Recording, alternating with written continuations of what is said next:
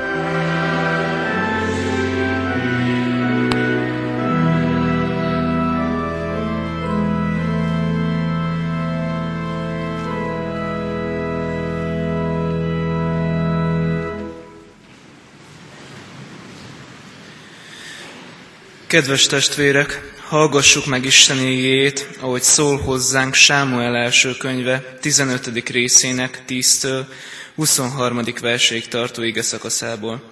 Isten igéjét alázatos szívvel, figyelemmel hallgassuk. Isten igéje így szól.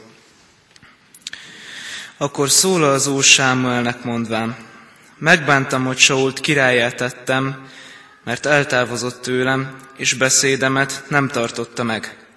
Sámuel pedig felháborodik, és kiállta az Úrhoz egész éjszaka. És korán felkele Sámuel, hogy találkozzék Saullal reggel, és hírül adák Sámuelnek ezt mondván.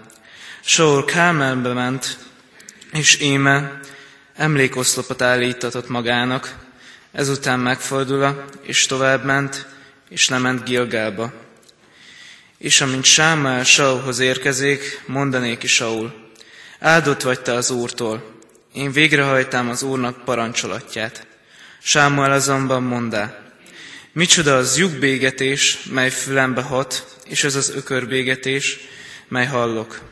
És mondd Saul, az amálekitáktól hozták azokat, mert a nép megkímélte a jóknak és ökröknek javát, hogy megáldozza az Úrnak, a te Istenednek, a többit pedig elpusztítottuk.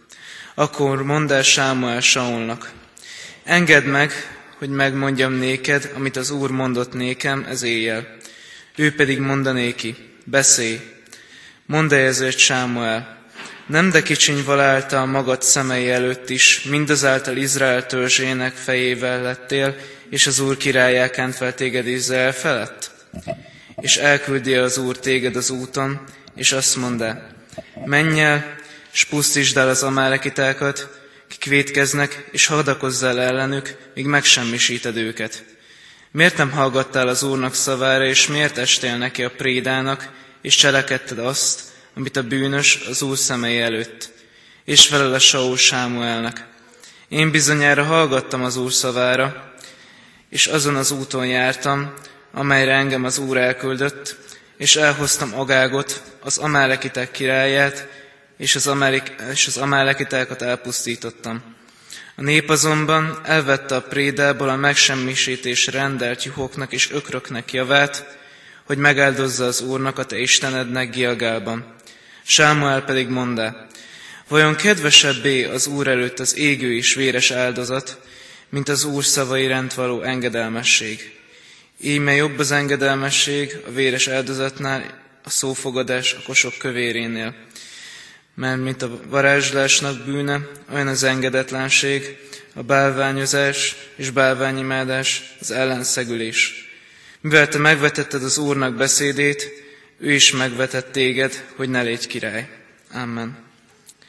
Isten szent lelke tegye áldással szívünkben az igét, és adja, hogy annak ne csak hallgatói, hanem befogadói és megtartói is lehessünk. Hajtsuk meg a fejünket imádságra.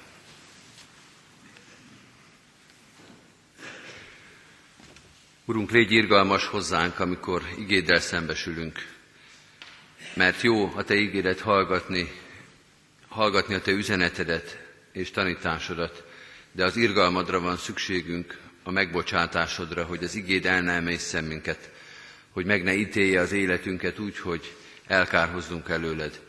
Segíts nekünk a Te irgalmadba kapaszkodni. Köszönjük, hogy az igéd megtalál minket, de kérünk tisztítson is meg. Köszönjük, hogy az igéd eléri a szívünket, de emelje is azt fel. Köszönjük, hogy megszólítasz minket, de tisztítsd is meg az életünket. Annyi minden van ott, ami nem méltó hozzád, pedig minket te rólad neveznek. A te nevedet hordozzuk ebben a világban, hozzád tartozunk, és mégis hányszor hoztunk szégyent a te nevedre. Bocsáss meg nekünk ezért. Bocsáss meg a méltatlanságokért, az önzésért, a lázadásért, az engedetlenségért, az önnön érdekünk képviseléséért. Bocsáss meg, hogy a Te ügyedet, a Te igédet, a Te szent fiadat is a hátunk mögé tudtuk utasítani. Kérünk Téged, légy irgalmas hozzánk, mert a Te irgalmad gyógyít, a Te bűnbocsátó kegyelmed felemel, a Te igéd megtisztít. Segíts most hát rád figyelni. Add a Te igédet, hogy ne csak halljuk ezt a régi történetet, hanem értsük is. Halljuk meg, hogy mi az, ami ebből ránk vonatkozik. Tudjunk elindulni azon az úton, amit a Te igéd kijelöl. Ehhez is mind-mind a Te irgalmadra van szükségünk. A Te lelkedre, a Te üzenetedre, a Te erődre, alkalmasságot és engedelmességet adó jelenlétedre. Így kérünk, ebbe kapaszkodva, ebbe reménykedve, ebbe nagyon bízva, légy itt velünk és áld meg az Isten tiszteletünket. Amen. Kedves testvérek, az a szentírásbeli rész, melynek alapján Isten szent lelkének segítségül hívásával üzenetét hirdetni kívánom közöttetek, írva található a már felolvasott bibliai részben, Sámuel első könyvének a 15. részében, a 22. versben a következőképpen. Talán ugyanúgy tetszik az Úrnak az égő és véres áldozat, mint az engedelmesség az Úr szava iránt. Bizony többet ér az engedelmesség az áldozatnál, és a szófogadás a kosok kövérjénél. Eddig Istennek írott igéje. Foglaljuk vele helyünket.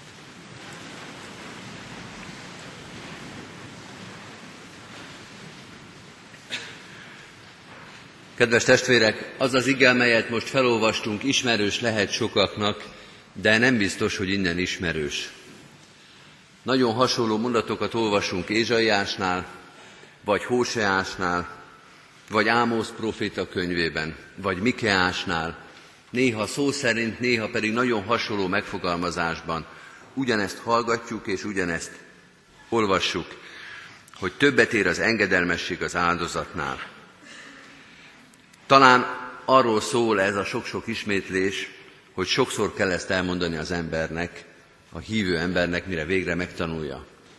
Talán arról szól az a tény, hogy ezt a kijelentést, ezt az intést, és akkor még a feddés szót talán nem is használtuk, tehát ezt a mondatot újra és újra a proféták fejére olvassák Izraelnek, talán arról szól, hogy a mindenkori hívő embernek nagy szüksége van erre a kapaszkodóra, hogy el ne tévedjen ezen az ingoványos területen, hogy meg ne süllyedjen, hogy félre ne értsen valamit, és még inkább, hogy ne maradjon félreértésben.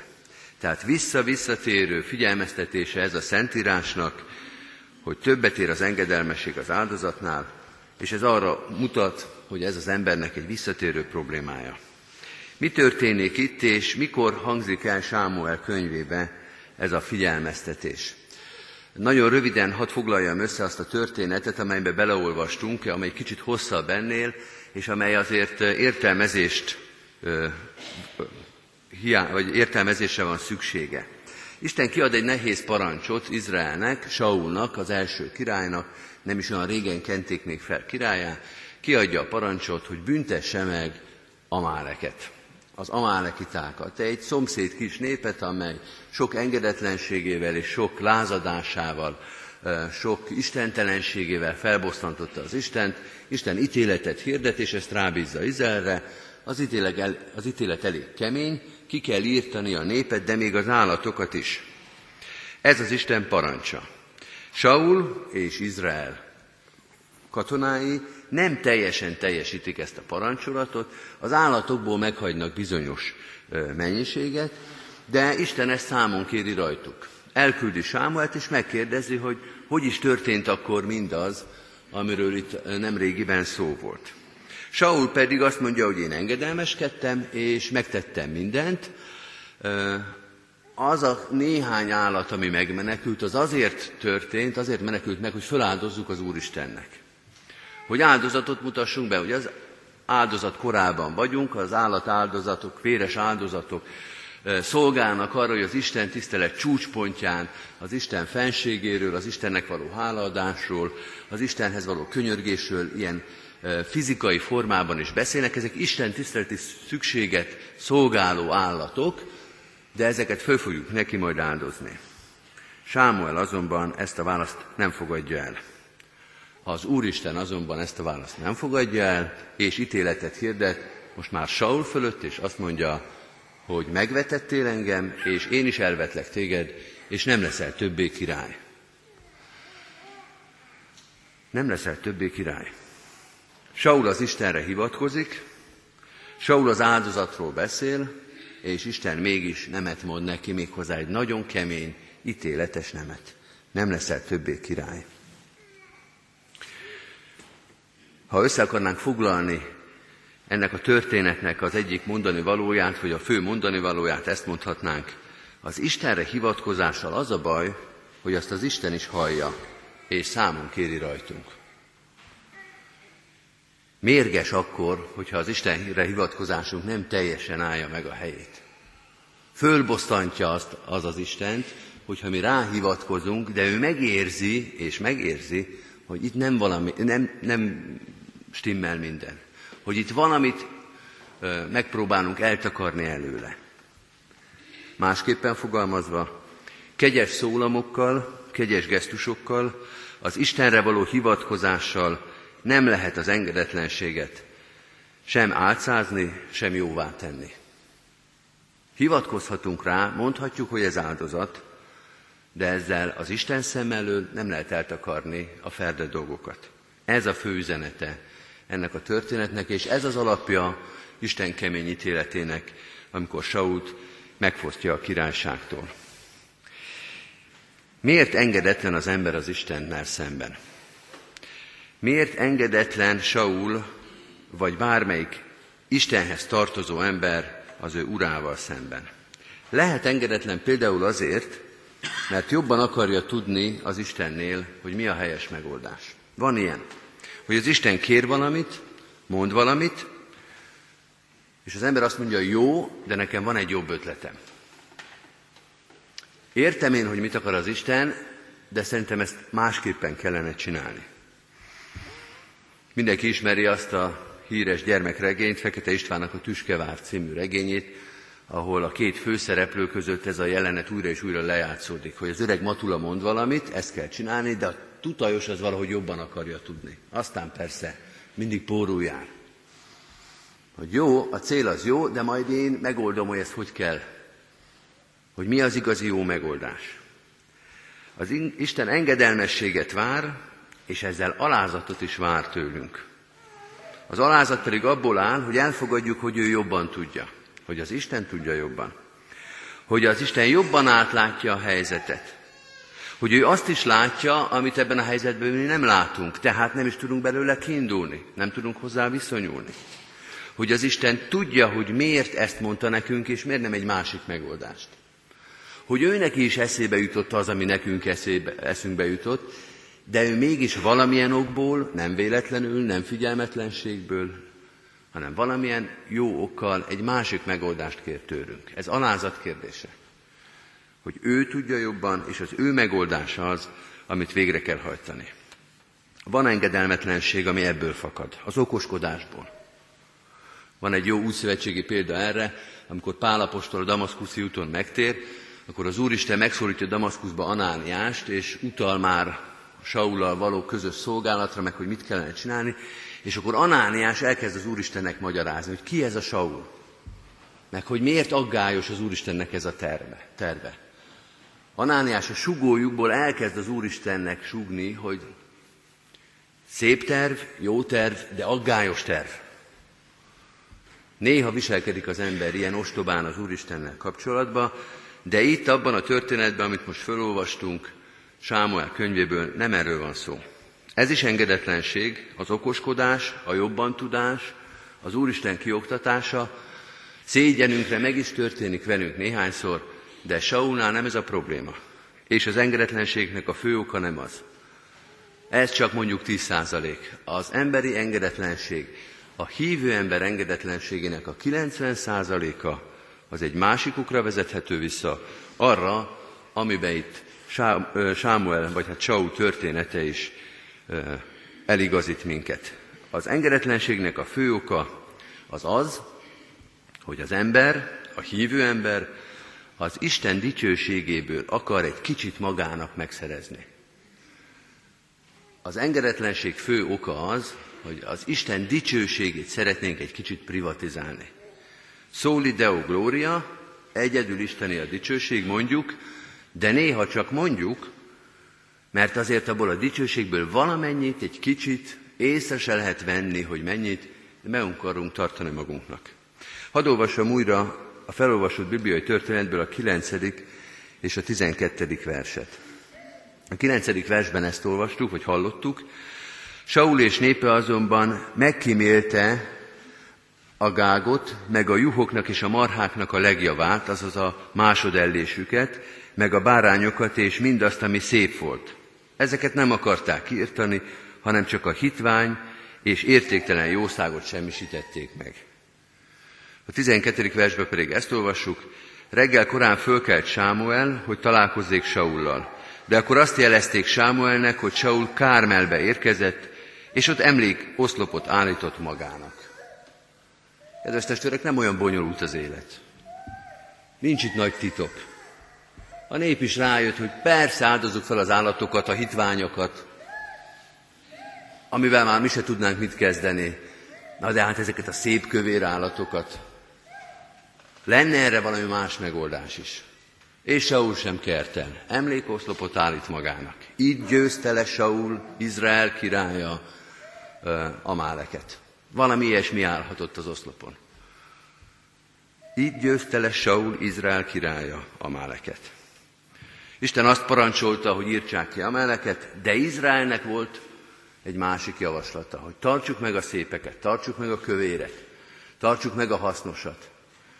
Izrael ítélet, Isten ítéletet hirdetett egy nép fölött, és Saul azt írta az oszlopra, a saját emlékoszlopára, hogy így győzte le Saul az istentelen Amáleket.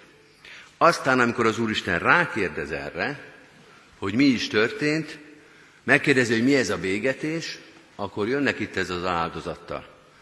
Hogy az Úristennek akartuk áldozni. Hogy ez megy az oltára, ez megy az Isten tiszteletre. Na, ettől mérges az Úristen. Hogy nem elég, hogy engedetlenek, nem elég, hogy a saját hasznukra dolgoznak, de még az Úristenre is hivatkoznak. Még azt is merik mondani, hogy ezt azért hagytuk meg, hogy az Isten tiszteletre áldozatként bemutassuk. Nem elég, hogy fusizik, de még az Úristenre is kenni az egészet. Ettől mérges az Úristen. Jézus az új szövetségben azt mondja, hogy ha az az adományod, amely segítségre, amely mások megsegítésére, amely a szüleidnek menne, és te azt mondod rá, hogy korbán, hogy szent ügy, hogy ez az Istennek az ajándéka, akkor az Isten ítéletét vonod magadra. Ne csapd be az Úristent. Mert lehet, hogy a szüleidet be tudod csapni. Lehet, hogy mindenki elhiszi neked, hogy ez szent ügy. De egy valaki nem fogja elhinni, aki látja a szívedet, és ő tudja, hogy te ráhivatkozol, de magadnak tartod meg. Magadnak szántad. Csak az Úristennel akarod ezt álcázni. Kedves barátaim, minden hívő embernek bele kell nézni ebbe a tükörbe. Hogy amikor szent dolgokról van szó, amikor az áldozatról van szó, akkor vajon nem magának tesz el abból félre valamit? Hogy nem a saját szobrát faragja le? Hogy amikor az Istenre, az áldozatra hivatkozik, akkor nem a saját akcióit próbálja áldoz, ö, ö, álcázni, befedni, szalon képessé tenni Isten és ember előtt.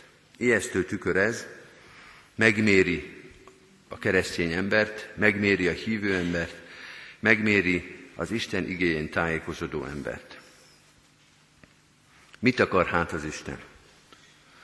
Mit vár tőlünk az Isten? Azt akarja, hogy ne akarjunk semmit? Hogy ne is legyünk?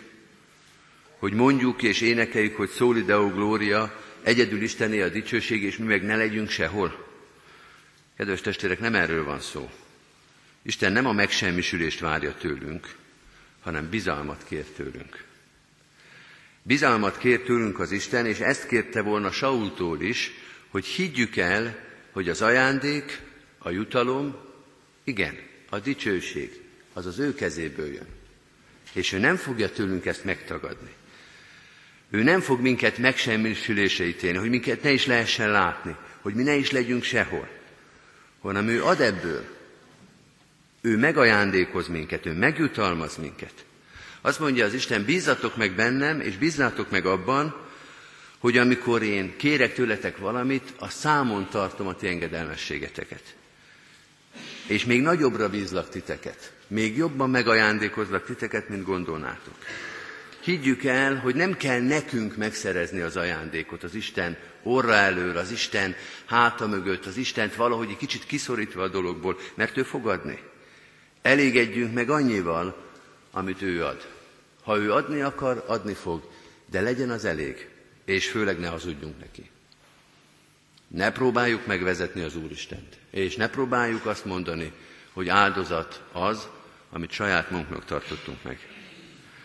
Egy buta kis történetem van erről, de talán éppen a butasága miatt lesz jellemző az emberre. Arra emlékszem vissza, hogy amikor gyerekek voltunk, akkor az unokatestvéreimmel együtt szilvesztereztünk, és szilveszterkor, éjfélkor mindig virsli volt az esti éjféli vacsora. És hát azt gondoltuk, hogy na most annyi virslit teszünk, amennyi csak belénk fér. Most nem fogják megmondani. Próbálkoztak ott a felnőttek, hogy majd ők szednek nekünk, de mi visszautasítottuk, majd mi szedünk. Hát még nehezebben ébredtük, mint a felnőttek, pedig azért ők nem csak virslit vettek magukhoz szilveszter este, mindenki olyan beteg volt. Mindenki tönkrement azon az este. Amikor az ember azt gondolja, hogy majd én megmondom, hogy nekem mi jó, hogy nekem mennyi jár, hogy mennyi jutalom, mennyi dicsőség, mennyi kedvezés jár, milyen betegségek. Most nem is mondom, hogy milyen betegségről volt akkor szó, hogy milyen megalázó helyzetek jönnek abból, amikor az ember magának osztja ki az adagot. A szüleink se tagadták volna meg. Nem mondták volna, hogy pont most szilveszterkor spórolunk hogy most csak mindenkinek egy fél jár. Tudták volna, hogy mennyi az, ami ami majd jól esik. Ilyen kis butánk vagyunk néha az Úristen előtt. Hogy mi azt gondoljuk, hogy mi tudjuk, hogy nekünk mi jár, és hogy mennyi kell, és ráütünk az Úristen kezére, hogy ne ő adagoljon, majd mi tudjuk, hogy mennyi kell. Egyedül Isteni a dicsőség. Igen, az övé, de ránk sugározza ezt a dicsőséget. Bearanyozza az életünket. Igen, még ilyen szavakat is használ, hogy felmagasztal minket, hogy megdicsőít minket, hogy nem féltékeny erre ebben az értelemben, hogy ő szívesen ajándékoz. Nem lenne szükség ezekre a kis sunyi történetekre. Megint Jézus az új szövetségben azt mondja, hogy aki meg akarja menteni az életét, ügyesen elsíbolt marhákkal, saját magának felállított emlékoszlopokkal, ügyeskedéssel, az elveszti azt. Aki maga akarja ezt megtenni, az elveszti, de aki elveszti az életét, vagyis átadja az Úristennek, az megtalálja azt, az ajándékot, dicsőséget kap az Úristentől.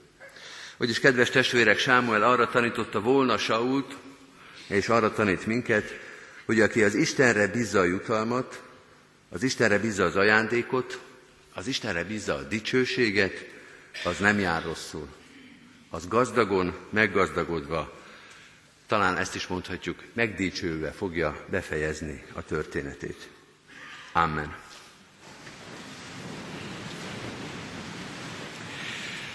Válaszoljunk Isten igényére a 251. dicséretünkkel. Énekeljük most annak első verszakát, és majd Isten tiszteltünk végén további verszakait is. 251. dicséretünk, meghódol lelkem, tenéked nagy fenség.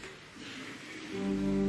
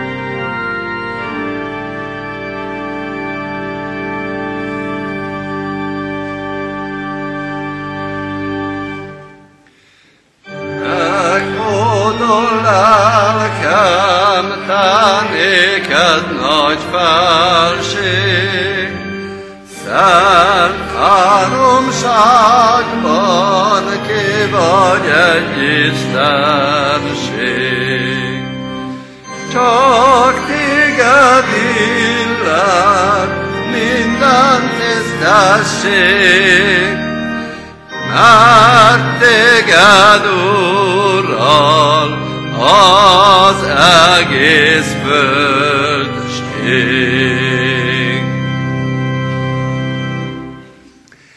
Helyünket elfoglalva, hajtsuk meg a fejünket imádságra.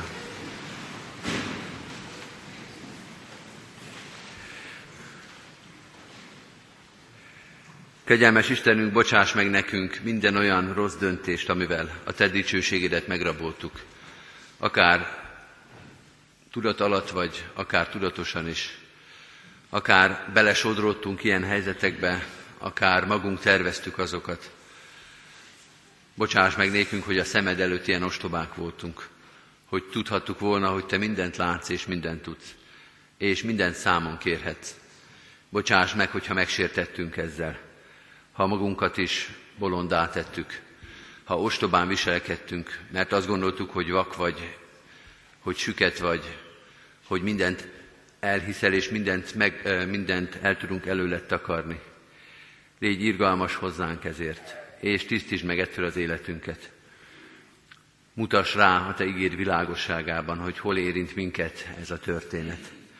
Hogy mikor voltunk olyanok, mint Saul, és vezess ki minket vezess ki ebből a tévegésből, ebből az önzésből. Melegítsd át a szívünket azzal a bizalommal, azzal a szeretettel, azzal az elfogadással, hogy higgyük és tudjuk, hogy nálad van a jutalom, hogy te nem feledkezel meg rólunk, hogy nem azt akarod, hogy megsemmisüljünk, hogy eltűnjünk, nem azt akarod, hogy eltűnjünk a te történeteidből, a te szolgálatodból, hanem a helyünkön akarsz látni minket. Köszönjük, hogyha megszégyenít minket ez a te igéd de kérünk, ne hagyj minket szégyenbe, hanem emelj fel. Emelj fel egyen-egyenként, emelj fel minket, mint gyülekezetet, mint egyházat, mint kereszténységet. Tisztíts meg minket minden emberi önzéstől, dicsőségvágytól, hatalomvágytól, és tégy minket engedelmes eszközeiddé, szolgáiddá. Hiszük, Urunk, hogy ezt Te megteheted. Emberileg olyan reménytelennek látszik a dolog, mert olyan gyengék vagyunk, néha olyan nevetségesen viselkedünk, de te megválthatod az életünket, megváltoztathatod bármit. Tedd is ezt meg. Köszönjük, hogy így tanítasz és így vezetsz minket, hogy nem közömbös számodra az életünk, hogy nem közömbös, hogy hogyan hordjuk és viseljük a nevedet ebben a világban. Segíts, hogy dicsőséget szerezünk ezzel neked. Így kérünk, áld meg a gyülekezetünket, annak minden szolgálatát ha tudjuk valóban, őszintén és teljes szívvel mondani, egyedül tiéd a dicsőség. Segíts nekünk, hogy ebben a dicsőséges szolgálatban részt vehessünk. Tőled várjuk ehhez magát a szolgálatot, a feladatot, az odaállított embereket, az alkalmasságot, az engedelmes, alázatos szíveket. Napról napra, hétről hétre, ezért könyörgünk, vezesd a gyülekezetünket az evangélium hirdetésének, az egyház szolgálatának útján. Imádkozunk gyülekezetünk tagjaiért. Most először azokért, akik nagy nehézségben, kereszthordozásban vannak. Könyörgünk a gyászolóinkért, azokért, akik koporsó mellett álltak meg. Imádkozunk azokért, akik ezekben a napokban, hetekben, hónapokban ezt a nehéz keresztet cipelik, hogy üres lesz az otthon, üres lesz a hely, hogy át kell élniük nap mint nap azt a hiányt, amit a halál az életükben okozott. Urunk, légy ott mellettük ezekben a nehéz pillanatokban. Vigasztald és erősítsd őket, és segíts minket is, hogy az imádságunkkal, a szeretetünkkel, a hívogató szavunkkal segítsük a gyászt hordozó testvéreink napjait. Könyörgünk a betegeinkért is. Olyan sok beteg van körülöttünk, olyan sok betegség van bennünk is, és ebben a világban szerteszét. Te légy a mi gyógyító orvosunk. Imádkozunk azokért, akiknek az élete tele van szorongással, mert nem tudják, hogy hogy lesz, hogy lesz-e gyógyulás, hogy lesz-e felépülés. Ezekben a nehéz pillanatokban, pillanatokban, ezekben a nehéz időszakban, akár években is, te állj mellettük, adj kitartást és reménységet. Mutasd meg, hogy a te hatalmad akkor is erős és nagy, amikor az emberi tudomány és lehetőség már a végéhez ért. Rád bízzuk a magányosokat, az idős testvéreinket, rád bízzuk azokat, akik valamilyen szeretetlenség, békétlenség, nehéz helyzet miatt nehéz időszakot élnek meg. Sokszor nem is tudjuk, hogy milyen terheket hordoznak a mellettünk ülők. Mennyei atyánk, hiszük, hogy te ismered a szívünk minden fájdalmát. Tarts számon azt, segíts és vigasztalj minket, és segíts, hogy minden gondunkat reád vethessük, minden bajunkkal hozzád menekülhessünk, minden kérdésünkről, kérdésünkre te tőled várjunk választ. Könyörgünk a gyülekezet szolgáló közösségéért, minden szolgálatért, amit ennek a gyülekezetnek adtál, hogy hirdethessük a te dicsőségedet és szeretetedet az szószékeken, az imaházakban, a bibliaórákon, az intézményeinkben, iskolákban és öregotthonokban. Olyan sok lehetőséget adtál, Úrunk, ennek az egyházközségnek. Te áldj meg minden lehetőséget, Te vezess minket az engedelmes szolgálatban. Áldást kérünk a városunkra, országunkra, egész nemzetünkre, itt és szerte a világba, a körülöttünk élő népekre, és az egész emberiségre is, hiszen Te vagy az emberiségnek, a békességnek, a történelmnek, Ura. Adj nekünk a Te dicsőségedből, hogy meglássuk a Te szent fiadat, hogy dicsőíthessük, ismerhessük és követhessük őt. Amen. Most vigyük egyen-egyenként is Isten elé imádságainkat. Amen. Most fennállva és együtt mondjuk el az Úrtól tanult imádságot. Mi, Atyánk, aki a mennyekben vagy, szenteltessék meg a Te neved. Jöjjön el a Te országod. Legyen meg a Te akaratod, amint a mennyben, úgy a földön is. Minden napi kenyerünket add meg nékünk ma, és bocsásd meg védkeinket, miképpen mi is megbocsátunk az ellenünk védkezőknek. És ne vigy minket kísértésbe, de szabadíts meg a gonosztól, mert tiéd az ország, a hatalom és a dicsőség mind örökké. Amen. Hirdetem az adakozást, testvérek, hálával áldozzál az Úrnak, és teljesítsd a felségesnek tett fogadásidat. Mindezek után az Úr Jézus Krisztusnak kegyelme, Istennek, a mi atyánknak szeretete, és a Szentlélek Istennek közössége legyen, és maradjon minnyájatokkal. Amen. Záró énekünket énekeljük testvérek, a már megkezdett 251. dicséretünket. 251. dicséretünknek a hatodik, hetedik és nyolcadik verszakát, imádlak én is téged teremtőmet, gondviselőmet és idvezítőmet.